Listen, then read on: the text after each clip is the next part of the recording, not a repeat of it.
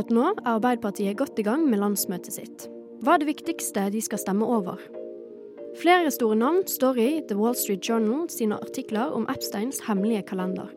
Vi forklarer hva som har kommet til syne. Spillet om å danne ny regjering i Finland pågår for fullt. Tar høyresiden makten fra venstresiden nå? India har passert Kinas som verdens mest folkerike land. Men hvor mye kan vi egentlig om India, landet som er verdens største demokrati?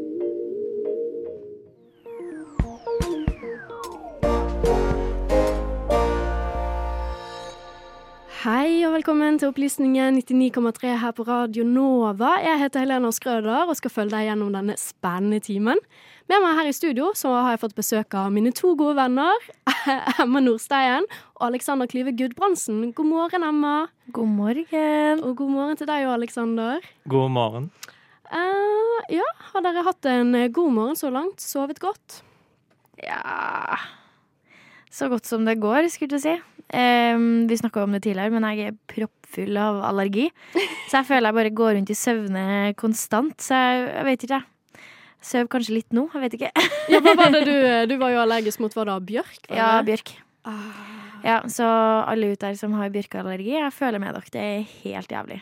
Ja. Men vi skal komme oss gjennom det her sammen. Ja, Det går fint. Det er jo skikkelig, det er jo vårsesong nå. Det er jo ja. mai, og det er jo eh, Ja, det, det, er jo snart 17. mai. Har dere noen uh, fine planer for 17. mai? Ikke ennå. Ikke enda. Men uh, jeg håper det skjer noe på Radio Nova-huset her. Jeg hørte noen rykter om det. Ja, det, det, gjør det jo hvert år. Da er det jo full, full ja, spetakkel og jeg, tror, jeg hører alltid noe om at vi skal spille klubb Nei, kubb, er det det det heter? Ja. Kubb, kubb det, heter det. Ja. Nei, det er gøy. Det, jeg, føler, jeg har aldri feiret 17. mai i Oslo før, så det hadde jo egentlig vært litt gøy å få endelig hilst på kongen. Så det Det hørtes veldig offisielt ut.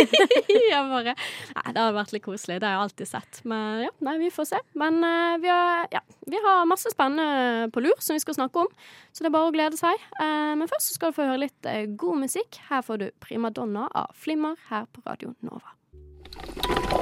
God dag og god fredag. Hjertelig god fredag morgen. God morgen, god morgen, god morgen og god morgen. God morgen og velkommen til Opplysningen, Radio Nova sitt samfunns- og aktualitetsmagasin. Med Opplysningen 99,3 på øret, ja, da blir det en god fredagsmorgen.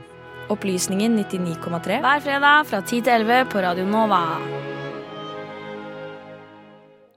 Ja, akkurat nå så holder Arbeiderpartiets eh, sitt årlige landsmøte der de vedtar politikk som eh, partiet skal stå for. Uh, og det er jo kommunevalg nå til høsten, så egentlig så kan det jo hende at den politikken de vedtar nå, kan jo være litt ja, viktig for det kommende valget. men det har vært mye diskusjoner nå om Ap før dette landsmøtet, og partiledelsen skal bli valgt.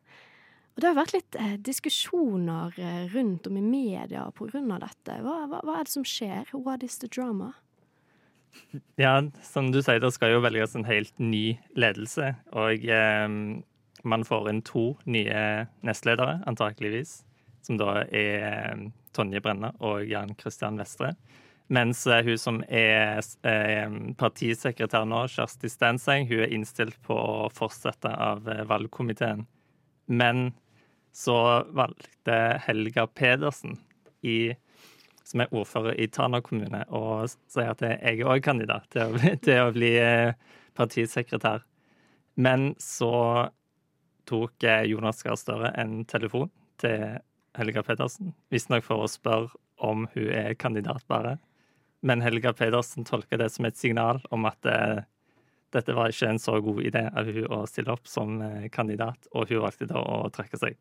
Og det har skapt veldig mye rabalder og styr. Og mange av Pedersens eh, støttespillere er jo ganske misfornøyd med denne utviklingen.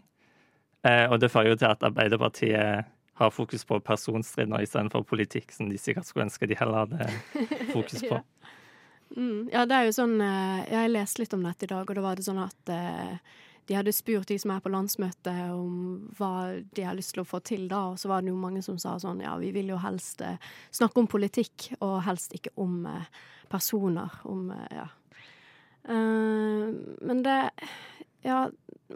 det er jo veldig mye som skjer rundt i Ap. Og jeg vet ikke om dette er veldig sånn, bra for de. Det er jo veldig mye diskusjon om det er en sånn type sånn krise i Arbeiderpartiet. Hvorfor det?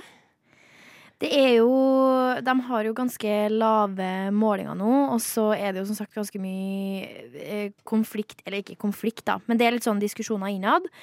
Um, og så er det jo Støre vil jo ikke si at det er krise, men det sier jo gjerne mange andre. Og Ho Pedersen sa jo det i 1. mai-talen sin, at Ap har en krise. Um, men Støre peker litt heller på at hele landet står i en liten krise. Eh, krigen, inflasjon og alt mulig. Priser, strømpriser. Det skal de jo òg ta opp på landsmøtet. Så har man jo òg den arbeidslinja som Støre på en måte kjemper nå fram på landsmøtet. Um, og han har jo uttalt at, uh, ikke, at, man ikke skal kødde med arbeidslinja. Og da har jo um, ordførerkandidat uh, Irina Mariann Hansen uh, har sagt til VG at man skal ikke kødde med trygdeytelsene. Så det er jo litt det er jo litt sånn diskusjon innad om man skal støtte opp under den arbeidslinja så kraftig som Støre kanskje ønsker. Og det er jo andre partier som blant annet SV vil at de skal fjerne arbeidslinja. Og Rina har sagt at det er et fryktelig ord å bruke. Så det er nok en del innad i partiet som kanskje gjør at fokuset fra politikken kommer litt bort, da. Det er litt forskjellig. Så er det jo de målingene òg som blir veldig interessante, om de får til å få dem opp, eller om de kommer til å få tidenes verste måling eller valg. Så mm. ja, det blir spennende. Ja, de har jo ikke egentlig Arbeiderpartiet har jo ikke hatt uh, den enkleste jobben å ta over uh, styringen i landet, med tanke både på koronapandemien og ja, krigen i Ukraina. Så det er utrolig. Ja. Ja, det sier vel både Arbeiderpartiet sjøl, for så vidt, og, og forskjellige kommentatorer, at eh, Arbeiderpartiet og Senterpartiet har vært veldig uheldige med tida de styrer i. At det, nesten uansett hvem som styrer, så ville det vært veldig tøft nå å ha oppslutning pga. de tøffe tidene. Men eh, regjeringen mottar jo kritikk for lederskapet, så det vil jo være en vurdering hver enkelt har om man syns lederskapet deres er bra eller ikke i de utfordrende tidene som samfunnet befinner seg i. Mm. Tror dere at uh, de klarer å gå opp på målingene før det kommende valget? Nå har de jo steget litt i det siste, faktisk. Det kan nesten se ut som det er en sånn liten sånn begynnende positiv tendens. Og eh, de gjør det jo mye, Arbeiderpartiet gjør det jo mye bedre på målingene til lokalvalg. Så det kan jo se ut til at det blir ikke et så katastrofalt valg som man kanskje skulle tro når man ser på stortingsvalgmålingene. Men eh, det er jo fire måneder igjen, så det er mye som kan skje. Mm. Hva tror du, Emma? Ah, jeg eh, er jo ikke verdens beste på politikk, skulle du si, så jeg vet ikke helt. Men jeg har lest i TV 2 at, uh, at Ap lå, i hvert fall på målingene deres, 4% bak deres verste lokalvalg. Mm. Um, så det spørs jo Jeg tror nok òg at det spørs litt hva de kommer fram til på landsmøtet. Hvordan stemninga blir etterpå. Og så får vi se, da. Det er jo veldig spennende. Mm. Når det er litt sånn kriging innad i partiet òg, så er det jo veldig spennende å følge med på. Mm, ja, det blir veldig spennende. Jeg er i hvert fall veldig fornøyd med at eh, de har klart å øke studiestøtten. Så eh, det er jo noe positivt de har klart å få gjøre. Uh, ja, men uh, nå skal dere få høre litt uh, mer musikk. Her kommer Lekende lett, som har fått med seg Angelo Reira og Linni med på sangen 'Jeg er den jeg er'. Der hørte du 'Jeg er den jeg er' av Lekende lett sammen med Angelo Reira og Linni. Og så er også Radionova her for å gjøre opptak til sendingene sine. Opplysningen. Vi er der det skjer. Opplysningen.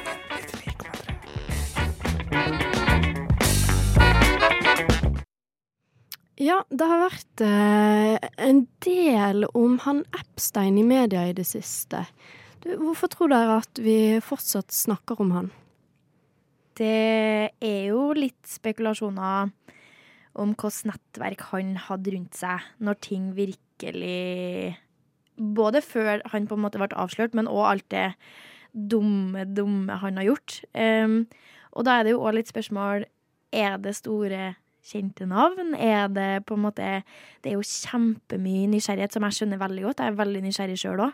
Så det er jo ikke så rart at sånn litt sånn konspirasjonsteorier og et ønske om å finne ut hvem var det egentlig som var venn med Epstein på denne tida når alt skjedde, liksom. Så det er jo ikke så rart at han på en måte blir mye snakka om at det er mye spekulasjon. For vi har jo ikke fått alle svarene de fleste har lyst til å få. Mm, ja, fordi det har jo vært eh, mye snakk om en sånn derre black calendar. Eh, og mange store navn har kommet fram i denne, da. Eh, og dette har vår reporter Lise Benus gjort eh, research på, og den saken får du høre her. The Wall Street Journal har den siste uken delt flere ganske hardtslående artikler om Jeffrey Epstein. De har gravd fram flere dokumenter som viser til at kretsen av mennesker som assosierte seg med Jeffrey Epstein år etter at han ble dømt for seksualforbrytelser, er større enn tidligere rapportert. Blant navnene som kommer frem i artiklene til The Wall Street Journal, finner vi òg en kjent nordmann. Men hva er det egentlig som står i disse dokumentene? La oss starte med begynnelsen. Hvem var Jeffrey Epstein? Jeffrey Epstein er nok et navn som ringer mange bjeller hos de fleste. Han var en amerikansk finansmann som hadde nære forhold med bl.a. store kjendiser, politikere og forretningsledere. I 2006 ble Epstein offentlig anklaget for seksuell misbruk av flere jenter i Florida. Noen så unge som 14 år gamle. Etter undersøkelser fra FBI og det amerikanske politiet nådde Epstein til slutt et forlik med påtalemyndighetene i 2008. I denne avtalen unngikk han føderale anklagelser, men erkjente seg skyldig i å ha anskaffet en mindreårig person for prostitusjon. Han registrerte seg som seksualforbryter og sonet i omtrent 13 måneder. Denne soningen ble gjort gjennom et såkalt work release-program, som innebar at han fikk dra ut på dagtid for å arbeide, men etter at skiftet var over, måtte han tilbake til fengselet for å tilbringe natten. Noen år senere publiserte The Miami Herald en rapport hvor flere titalls kvinner sto fram og sa at de var blitt misbrukt av Epstein. Påtalemyndighetene anklaget Epstein i 2019 for å ha misbrukt jenter og drevet en sexhandelsring. Han døde det samme året i fengsel i påvente av rettssaken. Rettsmedisineren i New York City erklærte hans død for et selvmord. Dette er altså nesten fire år siden. Men denne uken har altså The Wall Street Journal publisert dokumenter som angivelig viser til møter som skal ha pågått i årene mellom rettssaken til Epstein i 2008 og hans død i 2019. Så hva er det egentlig som står i disse dokumentene? Kort forklart er det dokumenter mailer, telefonsamtaler og andre digitale spor som viser forskjellige møter og avtaler Epstein skal ha deltatt på, og donasjoner Epstein skal ha gitt ut til forskjellige personer og bedrifter over en elleveårsperiode. Mange av de personene og bedriftene som er navngitt i de nye dokumentene fra The Wall Street Journal, var allerede kjent for å ha en eller annen form for tilknytning til Epstein. Men flere av dokumentene bringer til lys hvor og hvor ofte disse personene angivelig skal ha møtt Epstein. I tillegg viser dokumentene ulike tjenester Epstein skal ha gjort for dem. Men dokumentene avslører ikke formålet med disse møtene. The Wall Street Journal kunne heller ikke bekrefte om hvert av de planlagte møtene faktisk fant sted. Det er mange av de navngitte personene som har fortalt The Wall Street Journal at de møtte Epstein pga. hans rikdom og forbindelser. De var altså angivelig ikke klar over Epsteins såkalte mørke side. Men det er òg flere som har uttalt at de fortsetter å holde kontakten med Epstein etter hans dom i 2008, ettersom de trodde at han hadde rehabilitert seg. En av de personene som angivelig skal ha opprettholdt kontakten med Epstein, er den norske diplomaten Terje Røe Larsen. Røe Larsen, tidligere politiker, er særlig kjent for sin rolle i prosessen som førte fram til Oslo-avtalen i 1993. Han ledet òg The International Peace Institute, eller EPE, i New York fram til 2020. Epstein skal bl.a. ha lagt planer for at Røe Larsen skulle besøke hans private øy i 2012. Diplomat Røe Larsen skal angivelig ha besøkt Epsteins private byhus så mange ganger at personalet visste at de måtte ha agurker tilgjengelig for å ha i gindrinken hans, skriver The Wall Street Journal. Dagens Næringsliv avslørte òg i 2020 at Røe Larsen hadde mottatt personlige lån på 130 000 dollar fra Epstein, og hadde akseptert rundt 650 000 dollar i donasjoner fra Epstein-stiftelsen for den ideelle organisasjonen EPE. Denne reportasjen er òg grunnen til at han ga seg som leder for samme organisasjon. EPE sa i 2020 at de ikke var klar over verken donasjonen eller lånet, og at Røe Larsen hadde bedt om unnskyldning for sin feilslåtte dømmekraft. Røe Larsen har ikke svart på The Wall Street Journals sine forespørsler om en kommentar, og en talskvinne for EPE sa at de ikke hadde noen ytterligere kommentarer utover uttalelsen i 2020. Artiklene fra The Wall Street Journal presenterer dokumenter som viser at Epstein angivelig hadde kontakt med store aktører som CIA-direktør William Burns, professor Noam Chomsky og ledelsen ved universitetene Harvard og MIT. Noe annet som òg kommer fram i dokumentene, er at forskjellige personer og bedrifter ikke har vist det fulle bildet av deres samarbeid med Epstein de siste årene av hans liv. Blant annet sa Ariane de Rothschild etter Epsteins arrestasjon i 2019 at hun aldri hadde møtt han, og at banken hun arbeider for, ikke hadde noen forretningsforbindelser med han.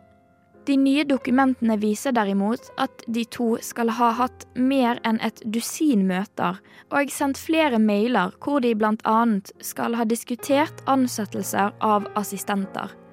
Banken hvor Ariane de Rothschild arbeider som administrerende direktør, har nå anerkjent til The Wall Street Journal at den tidligere uttalelsen ikke var helt nøyaktig. De sier at Ariane de Rothschild møtte Epstein som en del av hennes vanlige oppgaver som administrerende direktør i banken mellom 2013 og 2019.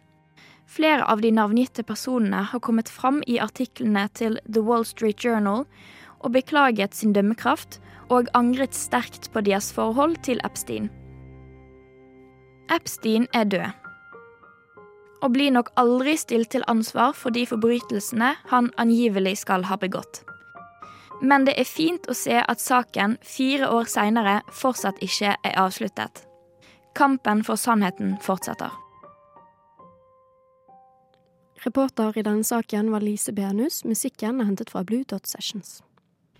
Der fikk du 'Henger med meg selv' av Evig ferie.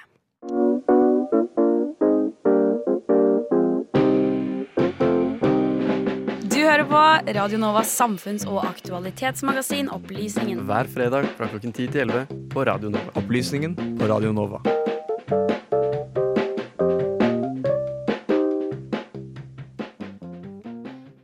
Ja, det har vært valg i Finland, og spillet om å danne ny regjering pågår for fullt. Tar høyresiden makten fra venstresiden? Det har vår reporter Alexander Klyve Gudbrandsen laget en sak om, og den får du høre her.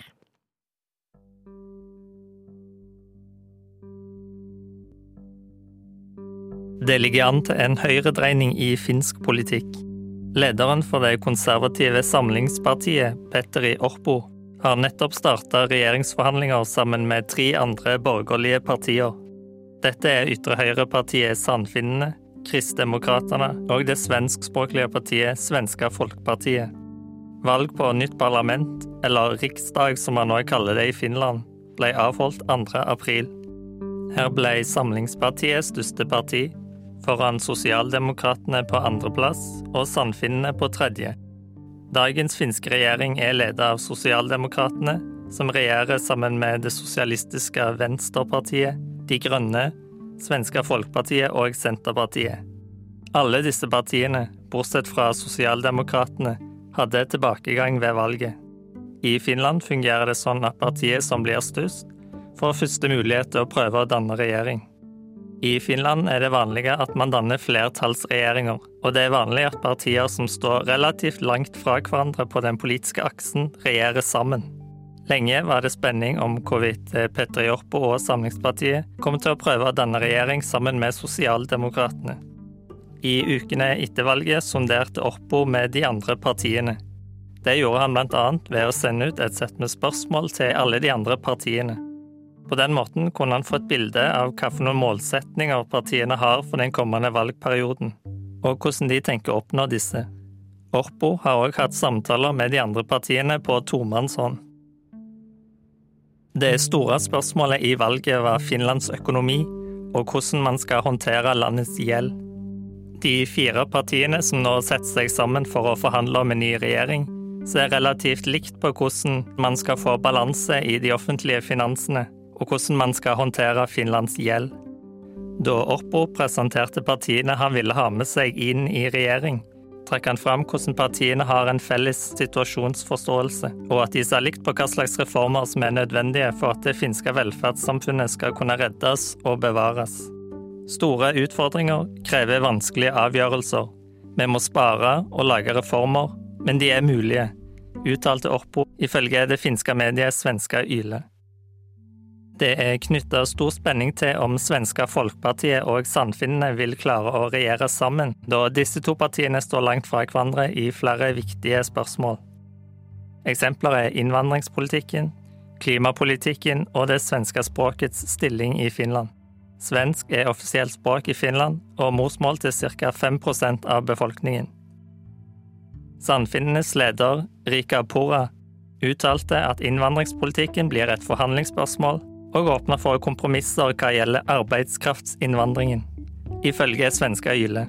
Det er òg uenighet innad i Svenska Folkepartiet om hvorvidt det er en god idé å regjere med sandfinnene.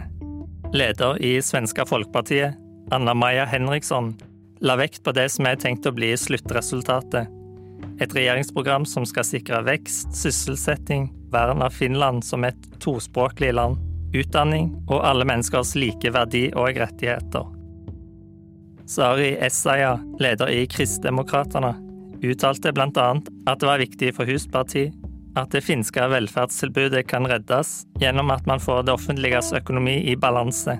Essaya la òg bl.a. vekt på at arbeid skal være lønnsomt, ifølge svenska Yle. Sittende statsminister Sanna Marin uttaler at hun er urolig for hva den nye høyreregjeringen vil bety for de som har det verst, og hvordan de tøffe nedskjæringene kommer til å ramme tilbudet i sosial- og helsetjenesten.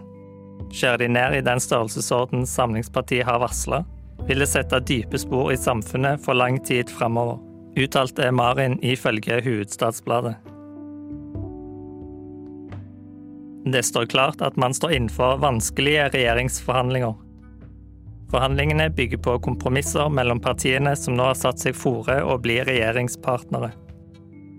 Nå gjelder det bl.a. å bli enige om regjeringsprogram og fordeling av ministertaburetter partiene imellom. I gjennomsnitt pleier det å ta 35 dager å danne regjering i Finland. Petteri Orpo håper at en ny funksjonsdyktig regjering kan være på plass i juni. Det er ikke sikkert at eh, de partiene som nå sitter og forhandler, er den regjeringen Finland ender opp med. Det er mulig at et av partiene som er med å forhandle, blir bytta ut. Og om partiene ikke blir enige, kan det òg gå sånn at en helt ny person blir utpekt til å føre regjeringssonderinger. Da begynner arbeidet med å danne ny regjering om igjen.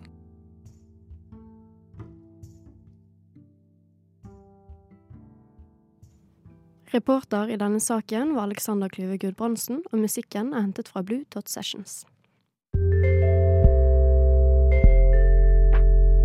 Teknologi og digitalisering gjør at det vi ikke fikk til for noen år siden, det er mulig nå.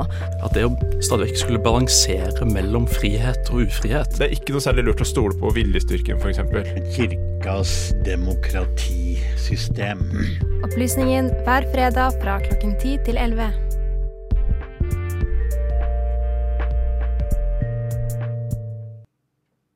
Ja, India har nå tatt over Kinas befolkningsantall, og India er nå det mest folkerike landet i verden. Og det som jeg har bitt meg litt fast i, er jo at eh, India har ikke blitt så mye snakket om. Og det er litt rart, egentlig, ja, med tanke på at det er verdens mest folkerike land. Og Det har vår reporter Benjamin Nordtømme også tenkt på, og han har laget en sak om eh, det som skjer i politikken i India akkurat nå. Og den saken får du høre her. Kanskje fikk du det med deg, men jeg sier det likevel. Helt på tampen av forrige måned ble India, ifølge estimater fra FN, verdens mest folkerike land. Så lenge du og jeg har levd, er det Kina som har hatt denne rollen. Men med all denne medieoppmerksomheten India har fått i det siste, er det kanskje riktig tidspunkt å prøve å forstå mer om denne asiatiske giganten, og hvor man er på vei. Bli med meg inn i politikken i verdens største demokrati. Vi begynner på toppen. Narendra Modi er Indias statsminister på niende året. Modi representerer partiet BJP, Bharatiya Janata Party, en koalisjon som ligger til høyre på den indiske politiske aksen. De har sine kjerneområder nord i landet, i Indias tettest befolkede stater. Om disse bruker man gjerne forkortelsen Bimaru, som står for Bihar, Madhya Pradesh, Rajasthan og Uttar Pradesh. I den sistnevnte staten bor det 240 millioner mennesker. Det er mer enn Frankrike, Tyskland og Storbritannia til sammen. Her oppe har de aller fleste språket hindi som morsmål, eller språk som er ganske beslektet. I avisene, på alle mulige kart og meningsmålinger, så assosierer man BJP med safran, altså oransjefargen med hellig status i hinduismen. For det som nettopp er det sentrale i BJPs partiprogram, er hindunasjonalisme. Og hva er egentlig det? The Indian government is revising textbooks and creating controversy for its choices on what to leave out. Gone are references to Gandhi's opposition to Hindu nationalism and chapters on the Mughal dynasty of Muslim rulers. Helt vesentlig for hindunasjonalister skal Indias rolle være som arvtaker av en eldgammel, vidunderlig sivilisasjon. Og aller helst bruker de ikke navnet India. Nei, India, det er Bharat. Det er også tittelen på en bestselgende bok om indisk historie fra den hindunasjonalistiske forfatteren J. Sai Deepak. Bharat, altså India, har vært den hellige slagmarken for en kamp mot de britiske kolonistene, og dette er det andre viktige poenget, det de kaller den islamske kolonitiden. Den desidert mest kontroversielle og splittende konflikten i det moderne India er et spørsmål som vever tilhørighet, historietolkning og kolonialismens arv. Var det én kolonitid, eller var det to? Det er nok ikke det første Ola eller Kari Nordmann behøver å ta stilling til, men hvis du prøver, kan du nok regne med å få noen skyllebøtter i kommentarfeltene. Det statsminister Modi og BJP gjerne får mest kritikk for, er at deres politikk egger opp til splittelse mellom hinduer og muslimer i India. Muslim rulers. Contemporary events being cut include the 2002 Gujarat riots, violence that took place on Prime Minister Narendra Modi's watch when he was then. I 2002 døde minst 750 muslimer og 254 hinduer i en grusom massevold. Det begynte med en togbrann som antagelig var forårsaket av et uhell som tok livet av 60 hinduistiske pilegrimer tilhengere av guden Rama. Modi som guvernør beskyldte muslimske terrorister, og ikke lenge etter gikk en opphisset folkemengde rundt med lister de skal ha fått utdelt av det lokale politiet, som viste muslimskeide bedrifter og hjem. Uff. Det er ganske guffent, og hendelser som denne er ikke enestående. Religiøst motivert vold har en lang og forferdelig historie i India. Da India, Pakistan og Bangladesh ble styrt av britene, ble religiøse motsetninger ofte helt intensjonelt brukt for å styrke den britiske makten over kontinentet. Tro meg, dette er kjempeviktig også i dag. I 1947 førte de samme religiøse motsetningene deretter britene til å foreslå en oppdelingsplan som skulle løse to problemer på en gang. Britenes tilbaketrekning og en slutt på religiøs vold. Sir Cyril Radcliffe, en britisk advokat som aldri hadde vært øst for Paris, fikk i oppgave å tegne kartet. Resultatet ble Pakistan i vest, en offisielt muslimsk stat, India i midten, som en føderal og sekulær stat, og på den andre siden Øst-Pakistan, eller Bangladesh som vi kjenner det. Men det høres ut som en digresjon, nok et sidesprang fra indisk politikk i dag. Det er det ikke, kjære lytter. I et historisk perspektiv er de regjerende hindunasjonalistene egentlig et avbrekk. Hittil har jeg ikke sagt mye om, ja, det man kan kalle venstresiden i India. Det andre store partiet er Indian National Congress. I Vesten assosieres det ofte med Mahatma Gandhi. Mannen som sådde de første frøene, het derimot Alan Octavian Hume, en brite bosatt i Mumbai, som var tilhenger av indisk selvstendighet og stiftet partiet i 1885. Tidligere har INC hatt mer ortodokse sosialistiske trekk, særlig da Jawaharlal Nehru overtok etter Mahatma Gandhi. Nehru støttet en sovjetisk-inspirert planøkonomi, og India under INC skulle være et sekulært land, der religion og politikk skulle holdes atskilt.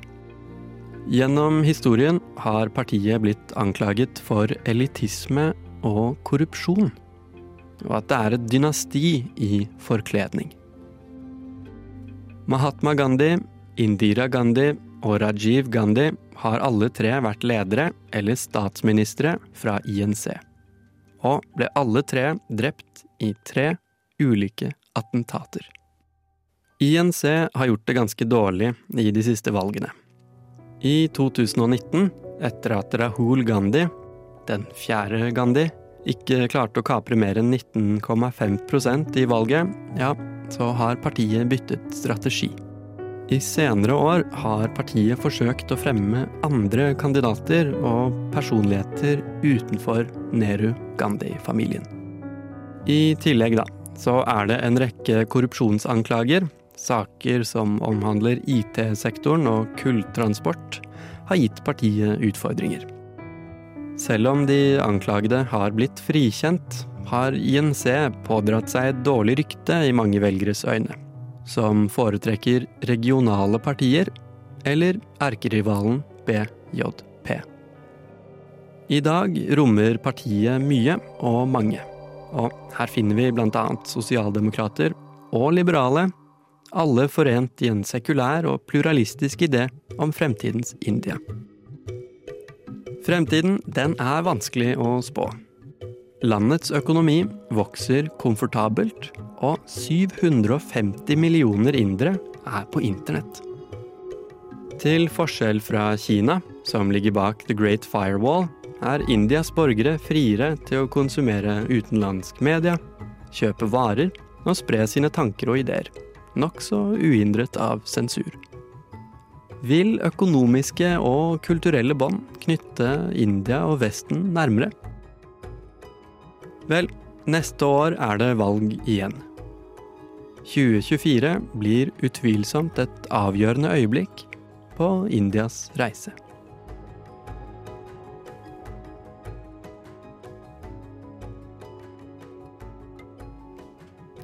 Reporter i denne saken var Benjamin Nordtumme. Musikken er hentet fra Blue Dot Sessions. Der fikk du Jakob Dale med sangen 'Stranded in a Postcard'. Neimen, Bertil, da! Ja? Har du glemt å høre den siste episoden av Opplysningen på Radio Nova? Har nok det. Men da kan du jo bare høre det som podkast når du vil. Å, det skal jeg jammen meg gjøre! Nå er vi eh, dessverre på slutten av sendingen, folkens. Eh, hva skal dere gjøre i helgen? Jeg skal Ja, hva skal jeg? Jo, jeg skal ut og spise eh, middag i, i dag på Aker Brygge. Håper det blir litt sol. Håper vi kan sitte ut. Så i morgen så skal jeg jobbe i Bogstadveien, for jeg jobber på en klesbutikk der. Og så er det markedsdag, så oh, det shit, blir ja. full rulle og hele pakka. Anbefaler alle å komme innom, for det er veldig, veldig, veldig koselig. Masse bra tilbud og hele pakka. Mye folk. Så det blir stress, men bra. Spennende. ja. Hva skal du gjøre da, Aleksander? Um, jeg tar det litt som det kommer. Mm. Ja. Slapp av litt og se hva som eh, jeg må gjøre eller kan gjøre. Mm. det dukker alltid opp noe. ja, det er bra. Det er jo, ja, det er jo sånn, Radio Nova har jo sånn arrangert en sånn danskebåttur nå denne helgen, så jeg tror jo en del av eh, en del av gjengen på Radio Nova skal dit. Danskebåt takeover. Danskebåt takeover. Så blir man hva da, tre timer i Danmark, og så tar man båten tilbake. Mm. Det var litt, dette er litt spennende, for jeg hang med en del dansker, og de kaller ikke danskebåten for danskebåten. Men, men Oslobåten. de kaller den for Oslobåten! Nei, Ja, gjør det? Ja, de er kaller den for. Oslobåten. Det visste ikke jeg, men det gir jo veldig mening. Ja, sant? Eh, Den går jo til Oslo. Ja, ja. Så jeg bare sånn, ja, ja, så, øh, folk skal jo ta danskebåten. Og de bare, ja, Oslobåten, ja. Jeg bare, mhm. Yes, der lærte jeg noe nytt. Men det, er- ja, det er kult, det. det jeg kan ikke huske sist gang jeg tok den danskebåten. Jeg vet ikke om jeg har tatt den en gang. Jeg gjorde det når jeg var liten. Det var den dagen eh, jeg og pappa fikk bevist at mamma faktisk snorka, for hun nekta på det. Men så filma vi jo når hun så. så jeg husker at jeg var veldig liten da. Men det var veldig morsomt. Stort øyeblikk for meg. Ja, det er veldig, ja, nice. Det er veldig gøy med danskebåten. ja, Jeg, bra. jeg tok den for fire måneder siden. Oi, serr? Ja, den København-båten. Det er kjempegøy. Åh, så gøy. Nei, jeg må prøve å få oppleve det en gang. Yes, Men du, eh, medvirkende i eh, denne sendingen har vært eh, Lise Benus og Benjamin Nordtømme. Og med meg her i studio så har jeg hatt Alexander Klyve Gudbrandsen. God helg til deg, Alexander. God helg. Og så har jeg hatt med meg Emma Nordstein. God helg. God helg! Uh, ja, og så har jeg også hatt med verdens beste tekniker her i dag. Woop, woop. Amalie Sundby. Og god helg til deg og Amalie. Mitt navn er Helena Skrøder, og du har hørt på Opplysningen 99,3 her på Radio Nova. Etter oss kommer Studentnyhetene, men først så skal du få høre litt god musikk. Her kommer Can't Keep Away Can't Keep Away From You av Jørgen.